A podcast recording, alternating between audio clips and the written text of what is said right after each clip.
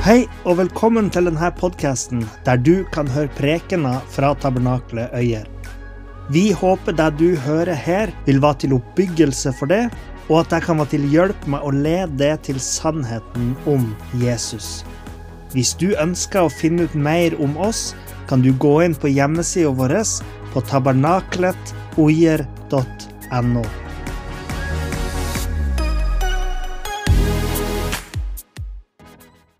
Det er jo eh, slik at um, vi er fullstendig avhengig av uh, Gud til å, å, leve, til å um, finne fred, til å få kraft, eh, til å kunne uh, stå imot, til å elske, til å tro, til å bli tilgitt. Um, og um, i hvert fall mange kristne kjenner at liksom, nå er verden så ille ute. altså Nå står, ikke, nå står ikke verden til påske. Og, um, og, jeg tror at det er noe som gjør at vi kristne finner oss ikke helt til rette i verden. Og jeg tror alltid det har vært sånn. Og jeg tror at hvis vi plutselig begynner å føle oss vel med slik verden er i det øvrige samfunnet, da er det noe som er gærent. Jeg tror at kristne har alltid kjent på eh, et skille mellom på en måte de troende søsknene sine og andre mennesker der ute. Den retninga som samfunnet rundt tar, og den retninga man ønsker at den lokale menigheten skal ta. for å si det sånn. Og Derfor er det naturlig for oss at vi, eh, at vi på en måte kjenner på en slags sånn ubehag med f.eks. å sende ungene våre til å bli oppdratt av eh, mennesker som ikke tror på Gud. Eh, til å hengi vårt liv i hendene på leger som ikke har samme etikk som oss sjøl, f.eks. Og mange sånne ting som gjør at vi kan eh, finne oss i situasjoner der vi er ubekvemme. Jeg vet ikke om det er noen som kjenner seg igjen i den tankegangen. Og det er ikke fordi at vi kristne har lyst til å skape et skille mellom oss og, og verden der ute. Se hvor trygge vi er her inne, liksom, og der ute stormer det. Men det er jo litt, egentlig litt sånn det er, og det er egentlig litt der Bibelen òg snakker om. at, at um, det er et skille mellom, mellom en troende og en ikke-troende. Det er et skille mellom Guds rike og, og, Satans rike, for å si det på den måten. da. Det finnes sånne, uh, sånne forskjeller. Mørke, lys. og Bibelen bruker mange sånne, sånne ting. Gud metter oss, uh, mens verden gjør oss bare sulten. Og, og jeg kjenner jo at eh, så, så har jeg veldig sånn, sterkt behov for å søke Gud. Og med det så mener jeg ikke bare å på en måte komme til, til omvendelse og de tingene der, men å, men å, på en måte si til Gud at jeg trenger å kjenne at du gir meg styrke. Jeg trenger å oppleve din ånd, din hellige ånd. Jeg trenger å kjenne at min styrke kommer fra det. Jeg trenger å kjenne at du er min borg, du er min festning. Eh, du er min trygghet, Herre. Jeg trenger å kjenne deg i mitt liv. Jeg trenger å kjenne en fred i hjertet når hjertet mitt er fullt av stress og jeg får høyt blodtrykk. Så, så, trenger jeg å kjenne de her øyeblikkene der, der, jeg bare, der, jeg bare, står i ånden og kjenner at Gud fyller med meg fred. Jeg hadde en sånn opplevelse for en 14 dager siden. Jeg lå i, i, i, i senga og altså, leste Salme 23, for jeg kjente at jeg nå trenger et, et ord fra det. Og, og da var det liksom Salme 23. Ja, jeg leste ikke Bibelen, eh, men, men den kom, kom, i tankene mine. Eh, ikke sant? 'Herren er min hyrde, jeg mangler ingenting.' Han, le, han lar meg ligge i, i, grønne enger og leder meg til hvilens vann. Og, og der og da, når jeg lå der, så var det litt som at de her ordene bare slo meg som sann. Vet du hvordan det kan være noen ganger når man leser i Guds ord? da, som han har på en måte gitt til oss, så, så kan det kjennes som at dette er sant. At man får en sånn overbevisning om at ja, det er virkelig sant. Og jeg fant en sånn fred da, i de her ordene i den salmen. At, at, at, tenk at han maler de her bildene for oss i Skriften. Lar meg ligge i grønne enger. Tenk hvor deilig det er. Og slik er det med Gud. Han lar oss ligge i grønne enger, leder oss til hvilens vann uh, og, og, tar vare på oss. da. Og for noen dager siden så, så, så kjente jeg igjen at jeg, jeg, trengte liksom å fylle med Guds ord. Og, eh, og jeg leste Salme 3. Eh, jeg skal ikke lese den her, men, men eh, så, så, ringte jeg en pastorkollega dagen etterpå. Eller en, en, en, god kristen venn, en tidligere pastor av meg. trengte bare noen, noen å prate med. Og, da, og plutselig i den samtalen så sier han Niklas, jeg har et ord til deg. Og så er det Salme 3. Så leser han Salme 3. Jeg har ikke sagt noen ting om Salme 3. Men når han hadde lest hele salmen, så sier jeg det er litt artig at du tar opp den. For det var akkurat den salmen jeg trengte å lese i går når jeg gikk og la meg. Som ga meg, som ga meg det jeg trengte når jeg skulle sove. Og det er det jeg mener med at Vi trenger på en måte Gud som en kilde i livene våre. Eh, og vi trenger Den hellige ånd i vårt liv. Vi trenger den kraften i vårt liv. Og Jeg skal lese fra Filippebrevet kapittel 3 hvis det er noen som har med seg Skriften i dag.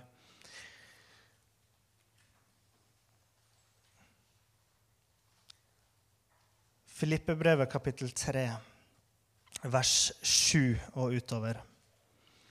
Men alt det som var en vinning for meg, det regner jeg som tap for Kristi skyld. Ja, så visst regner jeg alt som eh, tap sammenlignet med det som er så mye mer verdt, kunnskapen om Kristus Jesus, min Herre.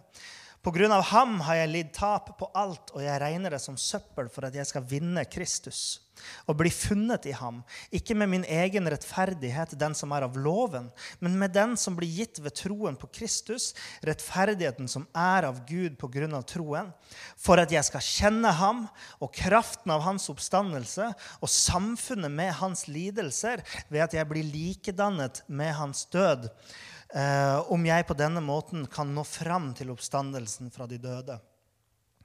Og det er på en måte den her, Han snakka litt om denne forskjellen på en måte mellom eh, Hvis jeg skal stole på meg sjøl, vil si å leve i verden eller i kjødet, eller det er mange ord for det, leve i mørket. Eh, og forskjellen på deg og, og det å leve i Kristus og være i ånden og, og stole på nåden og, og stole på troen på den frelsende kraften i troen på Jesus. Og, og, det er der vi skal finne våre kilde til på en måte kraft i hans oppstandelse. Tenk å kunne, kunne leve på en måte i troen på at, på at, Jesus virkelig har stått opp, og at vi skal stå opp med ham. Så sier Paulus videre fra vers 12.: Ikke slik å forstå at jeg allerede har nådd det, eller at jeg allerede er blitt fullkommen, men jeg jager framover, så jeg kan gripe tak i det, ettersom Kristus, Jesus, også har grepet tak i meg. Amen. Er det ikke fantastisk? At uh, Paulus han ser framover mot det som er, ligger der framme. Når det stormer rundt oss i verden, kanskje stoler vi på egen kraft. og Kanskje ser vi på det vi har gjort, og vi skammer oss. Kanskje ser vi på det vi har gjort, og tenker at, eh, at eh, folk kommer ikke til å elske meg for det jeg har gjort nå. og de tingene. Men, men vi er ikke fullkomne ennå, så vi skal ikke skamme oss hvis vi tråkker feil. Eller, eller sånne ting. Men vi kan få lov til å se framover. Og i dag, når vi er her sammen det pinsemenigheten her, så det, kan vi forvente en hellig ånd. Dere kan forvente en hellig ånd, og jeg tror at Ånden har noe for oss i dag. At vi kan få en opplevelse her i dag. Um, Paulus sier, 'Søsken, jeg tror ikke om meg selv at jeg har grepet det.' Men ett gjør jeg. Jeg glemmer det som er bak, og strekker meg ut etter det som ligger foran. Jeg tror at vi kan komme her som søsken i troen, og så bare forvente det som ligger foran og så bare ta imot det som ligger foran. At vi kan legge fra synden og skammen og de tingene på Jesus.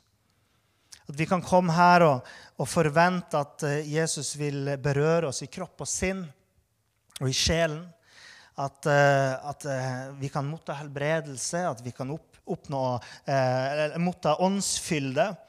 Og, og Paulus sier at han jager imot målet mot en seierspris som Gud fra det høye kalte oss til i Kristus Jesus.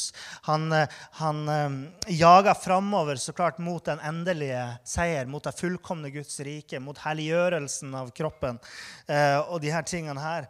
Men jeg tror at på veien dit, også en del av jaget dit, er på en måte å søke Ånden det er å søke Guds fylle i vårt liv og søke Guds rike, som Jesus sier. Ja, vi skal komme til omvendelse, vi skal bekjenne vår synd og bekjenne vår tro på Jesus. Men, men, så er det et liv etter den omvendelsen, og det livet skal være i Den hellige ånd. Eh, I vers 15 så står det La oss altså, så mange som er modne, ha dette sinn de som er umodne, de, de vet ikke det her. ikke sant? Det er en hemmelighet for dem. Men for de som er moden, de som har kommet til tro, så ha det her sinnet. Og hvis dere tenker annerledes i noe, skal Gud også åpenbare det for dere. Det gjelder at vi så langt vi har nådd, fortsetter etter den samme rettesnor og har det samme sinnelag. Og det er jo at vi, vi, står på det vi har mottatt fra Jesus, står på Guds ord, står på apostlenes lære som har blitt overrakt oss. Spesielt i denne tida når vi, eh, når vi på en måte, samfunnet har blitt mer avkristna enn noen gang, og, og vi, vi, kjenner oss som frem, mer og mer fremmed i denne verden. Eh, så trenger vi å, å, ha samme sinnelag som troende. Unngå splittelser mellom oss. At, eh, at menigheten er full av kjærlighet, og at det er som en familie som støtter hverandre, backer hverandre. Men òg som søker Gud sammen. Som kommer hit. Jeg spiller, og, og, og vi, vi synger sammen. og og, og, og, løfter våre hender til Gud og tilber Han, for Han fortjener all ære. Og Det er så viktig for oss at vi har den holdninga om at vi, har troen sammen og har det samme sinnelag som, som, Paulus skriver om her. Og at vi har den samme rettesnor som er, er Guds ord. Og, og for alle som, som, sliter med å forstå ting, så skal Ånden åpenbare deg for det.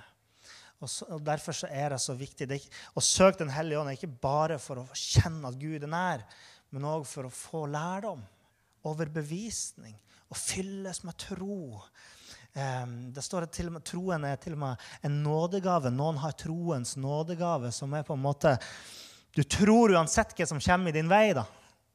Og la oss alle få den troen. Eh, jeg tenker jo ofte, jeg har jo besøk sant, av mamma og pappa. De er jo her i dag. Og de jobber jo mye med Ibra og reiser til land i verden der, eh, der det ikke er lov til å være kristen engang. Der det er farlig å være kristen. og og jeg tenker på de kristne der som, som lever et liv der, der de må ha, være redd for at ungene deres røper noe på skolen. Der de, der de, på en måte ikke kan si til noen, der de må liste seg rundt på en måte med troa si. De kan ikke be offentlig. de kan ikke vise det. Noen kan ikke engang si det til ungene sine at de tror på Jesus. For at plutselig så sier ungene på skolen Hvis du har en femåring, da, hvem vet hva han sier bort på gatehjørnet når han sprenger ut av huset? ikke sant? Så det må de leve med, men de klarer allikevel å holde fast på troen. All den motstand fører ikke til at de sier nei, forresten, det kan visst ikke være sant. Hvis myndighetene vil drepe meg for at jeg tror på Jesus, da var det visst ikke sant allikevel. Men så kommer vi her, og, og, og, og vi, vi, vi, har vårt luksusproblem, på en måte, og da bare gir vi opp. Men vi trenger en sterkere tro enn det. Og da trenger vi Den hellige ånd. Vi trenger å leve et åndsfylt liv. Um, Johannes evangelium kapittel 6. Johannes evangelium kapittel 6, vers 63. Helt i slutten. Der står det Det er Ånden som gjør levende. Kjøtt og blod duger ikke. Og det er jo så ofte at vi ønsker å gjøre ting sjøl. Mange de, de, eh, møter den kristne troa og, og, setter seg inn i hva kristendommen har å si. Og så sier de det høres for billig ut. Nåde. Hva skal jeg gjøre for å bli frelst? Og så kommer, kommer de til Bibelen og så forstår de at det er nåde. Men de har ikke lyst å ta imot bare nåde. Hvorfor det? Fordi hjertene deres er harde, og, og, de ønsker å gjøre ting i kraft av seg sjøl. Hvorfor er det sånn? Jo, fordi det er Den hellige ånd som overbeviser oss om de her tingene. sant? Som hjelper oss å ta imot nåden. Så, så det er Ånden som gjør oss levende.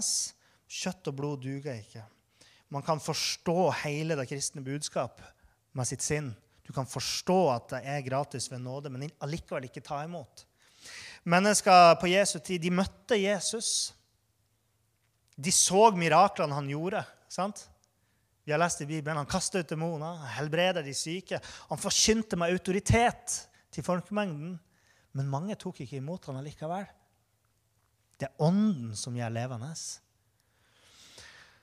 Og um, I Johannes kapittel 14 så, ber, eh, nei, så, så, så sier Jesus Johannes kapittel 14, vers 16-18 Og jeg vil be min far, og han skal gi dere en annen talsmann. Jesus hadde jo vært på jorda, en talsmann fra Gud. ikke sant? Men han skal gi dere en annen talsmann som skal være hos dere for alltid. Sannhetens ånd, som verden ikke kan ta imot. For verden ser ham ikke og kjenner ham ikke. Men dere kjenner ham, sier han til sine disipler. For han blir hos dere og skal være i dere. Det er når vi tar imot Jesus og blir fylt med med liksom hans nåde, da, rensa av nåde, rensa av Jesu blod. At, at, vi blir klargjort for å ta imot Ånden som et tempel for Gud. Sant? Verden kan ikke ta imot han, men vi kjenner han. Og når vi kjenner oss svake, og, og vi kjenner ting pressa på Eh, og vi kjenner at frimodigheten er mangelfull. Eh, og, og vi kjenner oss motløse. Så, så, står det der at på samme måten kommer også Ånden oss til hjelp i vår svakhet. I Romerbrevet kapittel 8, vers 26. På samme måte kommer også Ånden oss til hjelp i vår svakhet. Eh, noen ganger så, så, står vi i bønn, og så bare mangler vi ord. og så sier Paulus, for vi vet ikke hva vi skal be om for å be rett. Er det ikke mange som kjenner seg igjen i det? At man, man er i bønn og så sier 'Kjære Gud, jeg vet ikke engang hva jeg skal si'. Og de her ordene mine det blir liksom ikke rett, men, men du vet hva jeg mener. Å, så mange ganger jeg har bedt en sånn bønn. Gud vet hva vi, hva vi, ber om, for vi vet ikke hva vi skal be om for å be rett. Men Ånden selv går i forbønn for oss med sukk uten ord. Og Han som gransker hjertene, vet hva Ånden vil, for Ånden ber for de hellige etter Guds vilje. Og så mange stunder som man kan finne seg i en sånn situasjon der vi, der vi, vi tenker Jeg vet ikke engang om det er din vilje, Gud, at jeg ber om det her. Men for en frihet å da kun si en gang iblant, når man er usikker og utrygg og, og ikke, ikke, er sikker på seg sjøl, at man kan si 'Takk, Gud, for at du vet hva som er best for meg'. La din vilje skje i mitt liv. Og vi vet jo at Gud ønsker at vi skal komme fram til målet. Så det kan alltid være vår bønn. Bevare oss i troen og lede oss til seier i Jesu navn. Ånden ber for oss etter Guds vilje. Så vi har den styrken.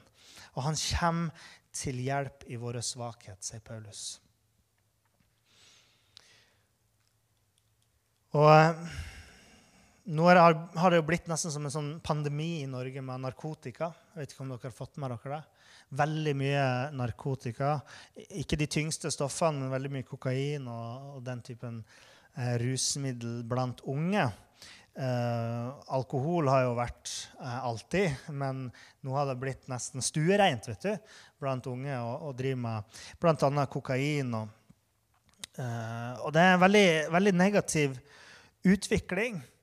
Og menneskene de har et det er noen som har kalt det et gudeforma høl i hjertet. Altså, Vi har en mangel i vår sjel. da. Og mennesket er alltid på søken det skiller jo oss fra alle andre dyr på en måte i verden. Alle andre skapninger.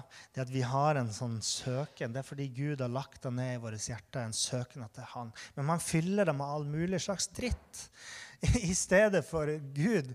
Og, og um, narkotika og alkohol er bare noen av de tingene. Men det jeg begynte med å si, noen ganger så stoler vi på våre egne gjerninger. og sånn. Nå ser jeg ungene her ute. Enter. Uh, vi, vi, vi, vi, fyller òg dette hølet med vår egen rettferdighet. Og det er en litt sånn interessant ting. Men du ser på veldig religiøse eh, på måte, mennesker som følger lovreligionens vei. Så, så, er det for at de skal klare å fylle det hølet. Det er bare at de fyller det med egen rettferdighet. Andre må, må, fylle det med alkohol, andre må fylle det med narkotika, andre må fylle det med sex. Andre må fylle det med, med TV-programmer som bare er fulle av dritt. Eh, og det, det fins alle mulige slags ting. Noen fyller det med penger. Eh, og alle slags syndige ting som, måte, som ikke er tilstrekkelig. da. Paulus sier i Efeserne, i Efeserbrevet kapittel 5.: Drikk dere ikke fulle på vin. Efeserne 5, kapittel, 18, nei, kapittel 5, vers 18. Drikk dere ikke fulle på vin. Det fører til utskeielser. Bli heller fylt av Ånden og syng sammen. La salmer, hymner og åndelige sanger lyde. Syng og spill av hjertet for Herren. Takk alltid vår Gud og Far for alt i vår Herre Jesu Kristi navn. Jeg vet ikke om vi leser det verset der nok i våre menigheter. Eh, men vi, kirkene våre har jo alltid vært fulle av sang. Eh, så lenge vi, vi, på en måte kan se at det har funtes eh, kirker, så, så, kan man se at de har brukt sang. Til og med jødene brukte sang. Og det er noe som kristne har tatt med seg videre. Og Paulus sier det. Fyll, eh, bli fylt av Ånden og syng sammen. Eh, og, og, jeg tror at det her er ikke bare å synge på en måte Kari Bremnes eller eh, et eller annet sånt, men å synge åndelige sanger. Syng sanger som har blitt skrevet av mennesker som er inspirert av Ånden.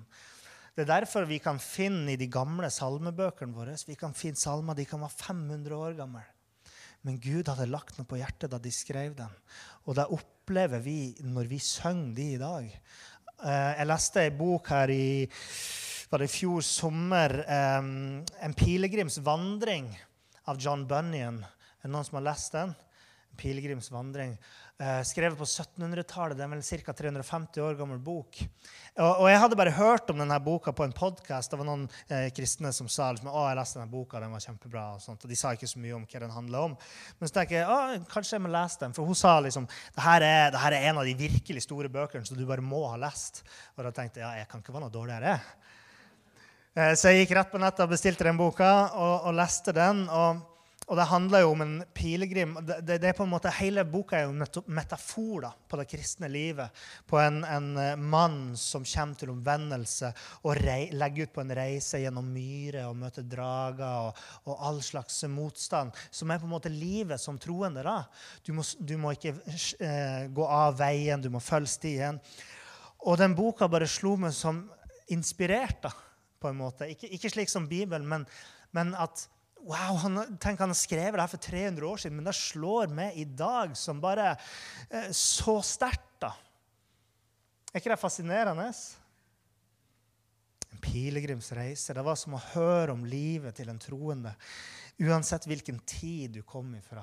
Det kunne vært mitt liv. ikke sant? Drikk dere ikke fulle på vin, det fører til utskeielser, men bli fylt av Ånden og, og syng sammen. På pinsedag, vet du, i Apostelens gjerninger 2, da ble de alle fylt av Den hellige ånd. Og de begynte å tale på andre språk ettersom Ånden ga dem å forkynne.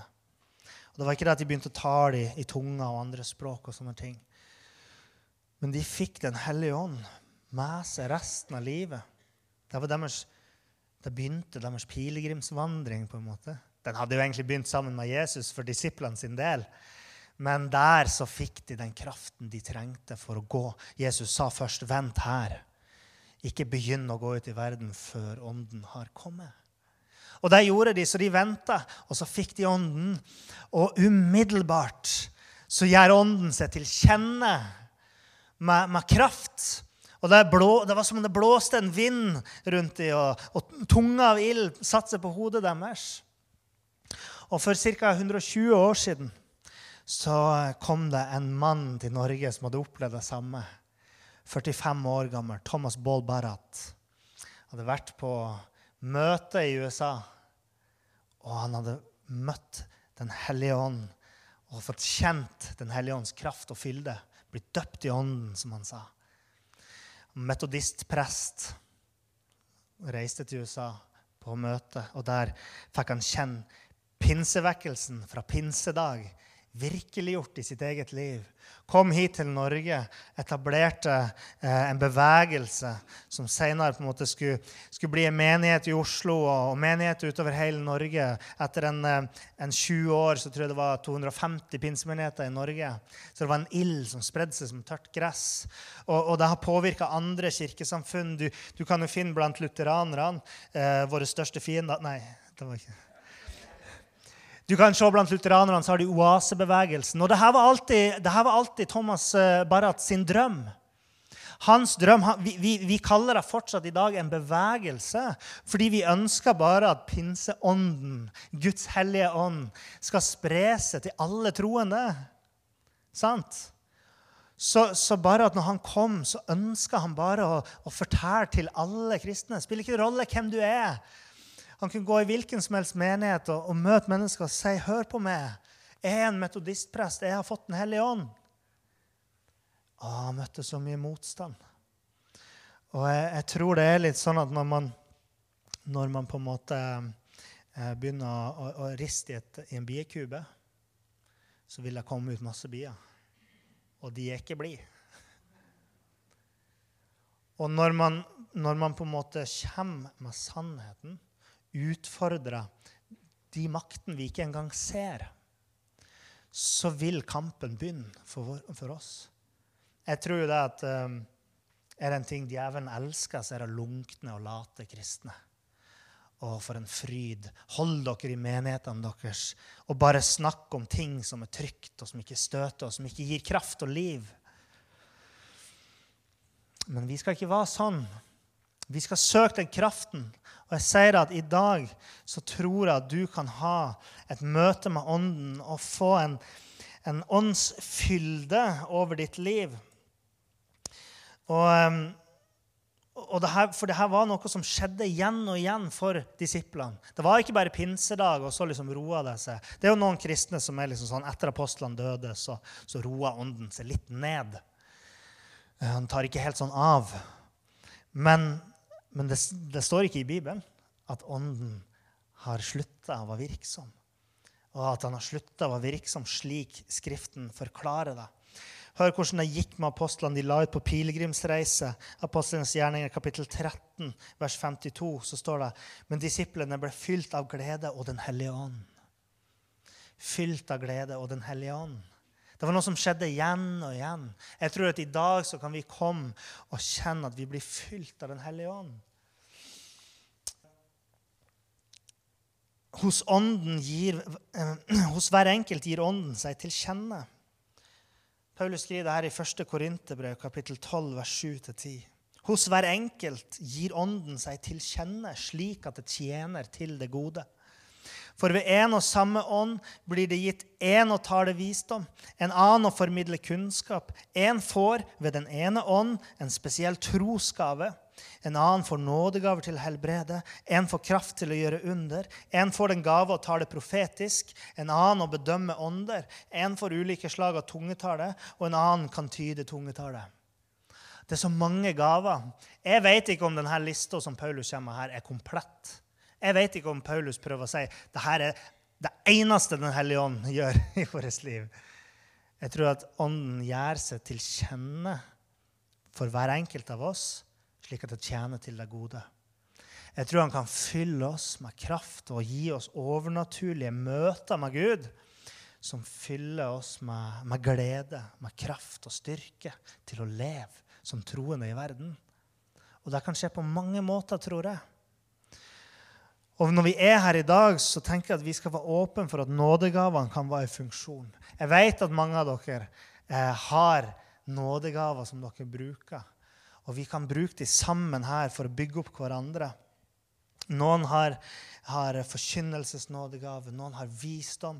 Eh, vi, vi, vet om kunnskapsord, og, og noen har kjærlighetens nådegave. liksom. Eh, vi har så mange gaver, men det profetiske ord og tungetalen med tydning er jo noe der Paulus sier at vi virkelig skal søke. Så kjenn etter om det kommer noe til dere i, i dag. Eh, så deler vi det med hverandre. Vi må kjenne at Den hellige ånd er til stede iblant oss. Jeg ble så fylt av Ånden her for, bare for ei ukes tid siden. Jeg bruker i hvert fall det begrepet. Jeg ble sånn grepet i en sånn, i en sånn eh, bønnekamp, liksom. Og jeg sendte ei tekstmelding til flere av dere her for å hjelpe meg å være med i bønn for ei venninne av meg, for det har vært så tøft eh, i livet hennes. Um, og hun, hun, sendte meg en melding. Vi har ikke hatt noe særlig kontakt de siste årene, men så sendte hun en melding liksom, og spurte nå kan du be for meg. Uh, og jeg fikk svar. Det var flere som, som, på en måte sendte svar til meg, at de var med i bønn. Og, og da kjente jeg liksom bare nå, nå er vi i bønn, og Ånden leder meg i en sånn kraftig bønn for denne venninna mi. Um, og etter at, når jeg liksom roa meg litt ned, da, når jeg kjente at nå, nå, har jeg bedt en bønn som gir meg fred, så kom jeg på at hun skrev kan du være så snill å be for meg. Forresten, jeg fødte en sønn i går, eller når det var. Så hun hadde nettopp fått en sønn. Jeg glemte å svare på det med sønnen. Jeg sa bare 'jeg ber'. Og så kom hun på det etterpå.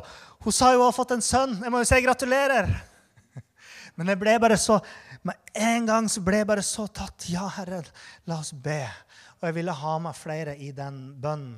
Og nå har hun sagt det. Ringte henne for noen dager siden. Og hun sa hun hadde snakka med Hun har jo et støtteapparat på en måte rundt, rundt seg. Mennesker hun, hun, kommer i kontakt med. altså eh, Offentlige instanser og den slags. Og, og, en av de sa liksom Hvis det hadde vært det Jeg veit ikke hvordan du klarer å stå.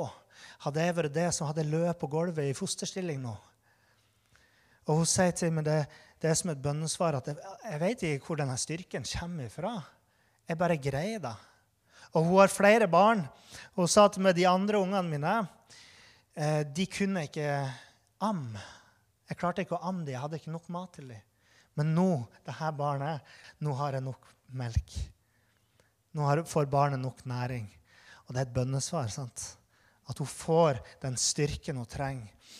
Eh, og det er så oppmuntrende. Uh, og jeg kjente òg her, her om dagen, fredag, uh, at uh, jeg kjente at ånden var, var, nær i livet mitt da, på en måte. Jeg følte meg berørt. Og, og det kommer bare noen gang, liksom. Den siste uka, de siste ukene har jeg kjent at jeg virkelig har trengt at Gud er nær. og på fredag så kjente jeg det. og, og det leda meg til å skrive en sang som, som bare kom sånn eh, fra, fra denne inspirasjonen som jeg var i. da. Og den skal jeg ta, så, skal jeg ta og spille for dere. Så jeg, jeg fikk ikke tid til å skrive en preken. Jeg måtte bare komme opp her i dag og late som. Men jeg snakka om det som ligger meg på hjertet, og det var akkurat det her som lå meg på hjertet på fredag. Jeg snakka med Bitten på telefonen. Jeg sa det at jeg har ikke planlagt noen preken til søndag, men, men, jeg tror at vi skal ta vi skal ta en stund der vi bare søker Guds hånd. Vi skal søke Gud her i dag. Og, um, så jeg har snakka lenger enn jeg hadde tenkt, egentlig. men, men, det var det her jeg hadde på hjertet, at vi skal søke Gud. Og vi, skal, vi, skal, styrke hverandre og oppbygge hverandre. og Derfor så sier jeg at vi skal komme med denne forventninga om at Den hellige ånd kan være virksom her iblant oss i dag. For det tror jeg. Og, og, um, og Gud bare la det på hjertet mitt at vi, i dag så skal vi bare være sammen og vi skal be for hverandre. Eh, vi skal legge hendene på hverandre, og vi skal bruke litt tid sammen. Men jeg skal spille litt musikk først nå, og så, og så skal vi be for hverandre. Eh, og, og um, søk Gud. Søk gode gaver, søk opplevelser, søk kjennskap med Gud på, på en ny måte. Slik disiplene på ny og på ny, apostlene på ny og på ny ble fylt av Den hellige ånd. Så kan vi òg bare komme og bli fylt av Den hellige ånd. Jeg kan si dere at Den hellige ånd er virksom. På Vigeland i Norge så er det vekkelse. 1400 mennesker kommer på møtene i en menighet der de for en måned eller to siden samla 15. Gud han, han, kommer. Det er ikke noe som vi kan gjøre. Vi kan ikke tvinge han. Men jeg kjente på det i dag at, at uh, jeg tror at Gud har noe for oss. Um, og det er bare noe som Gud gjør. Det er bare noe som kommer av seg sjøl. Um, og, og vi, vi, så borti California nå.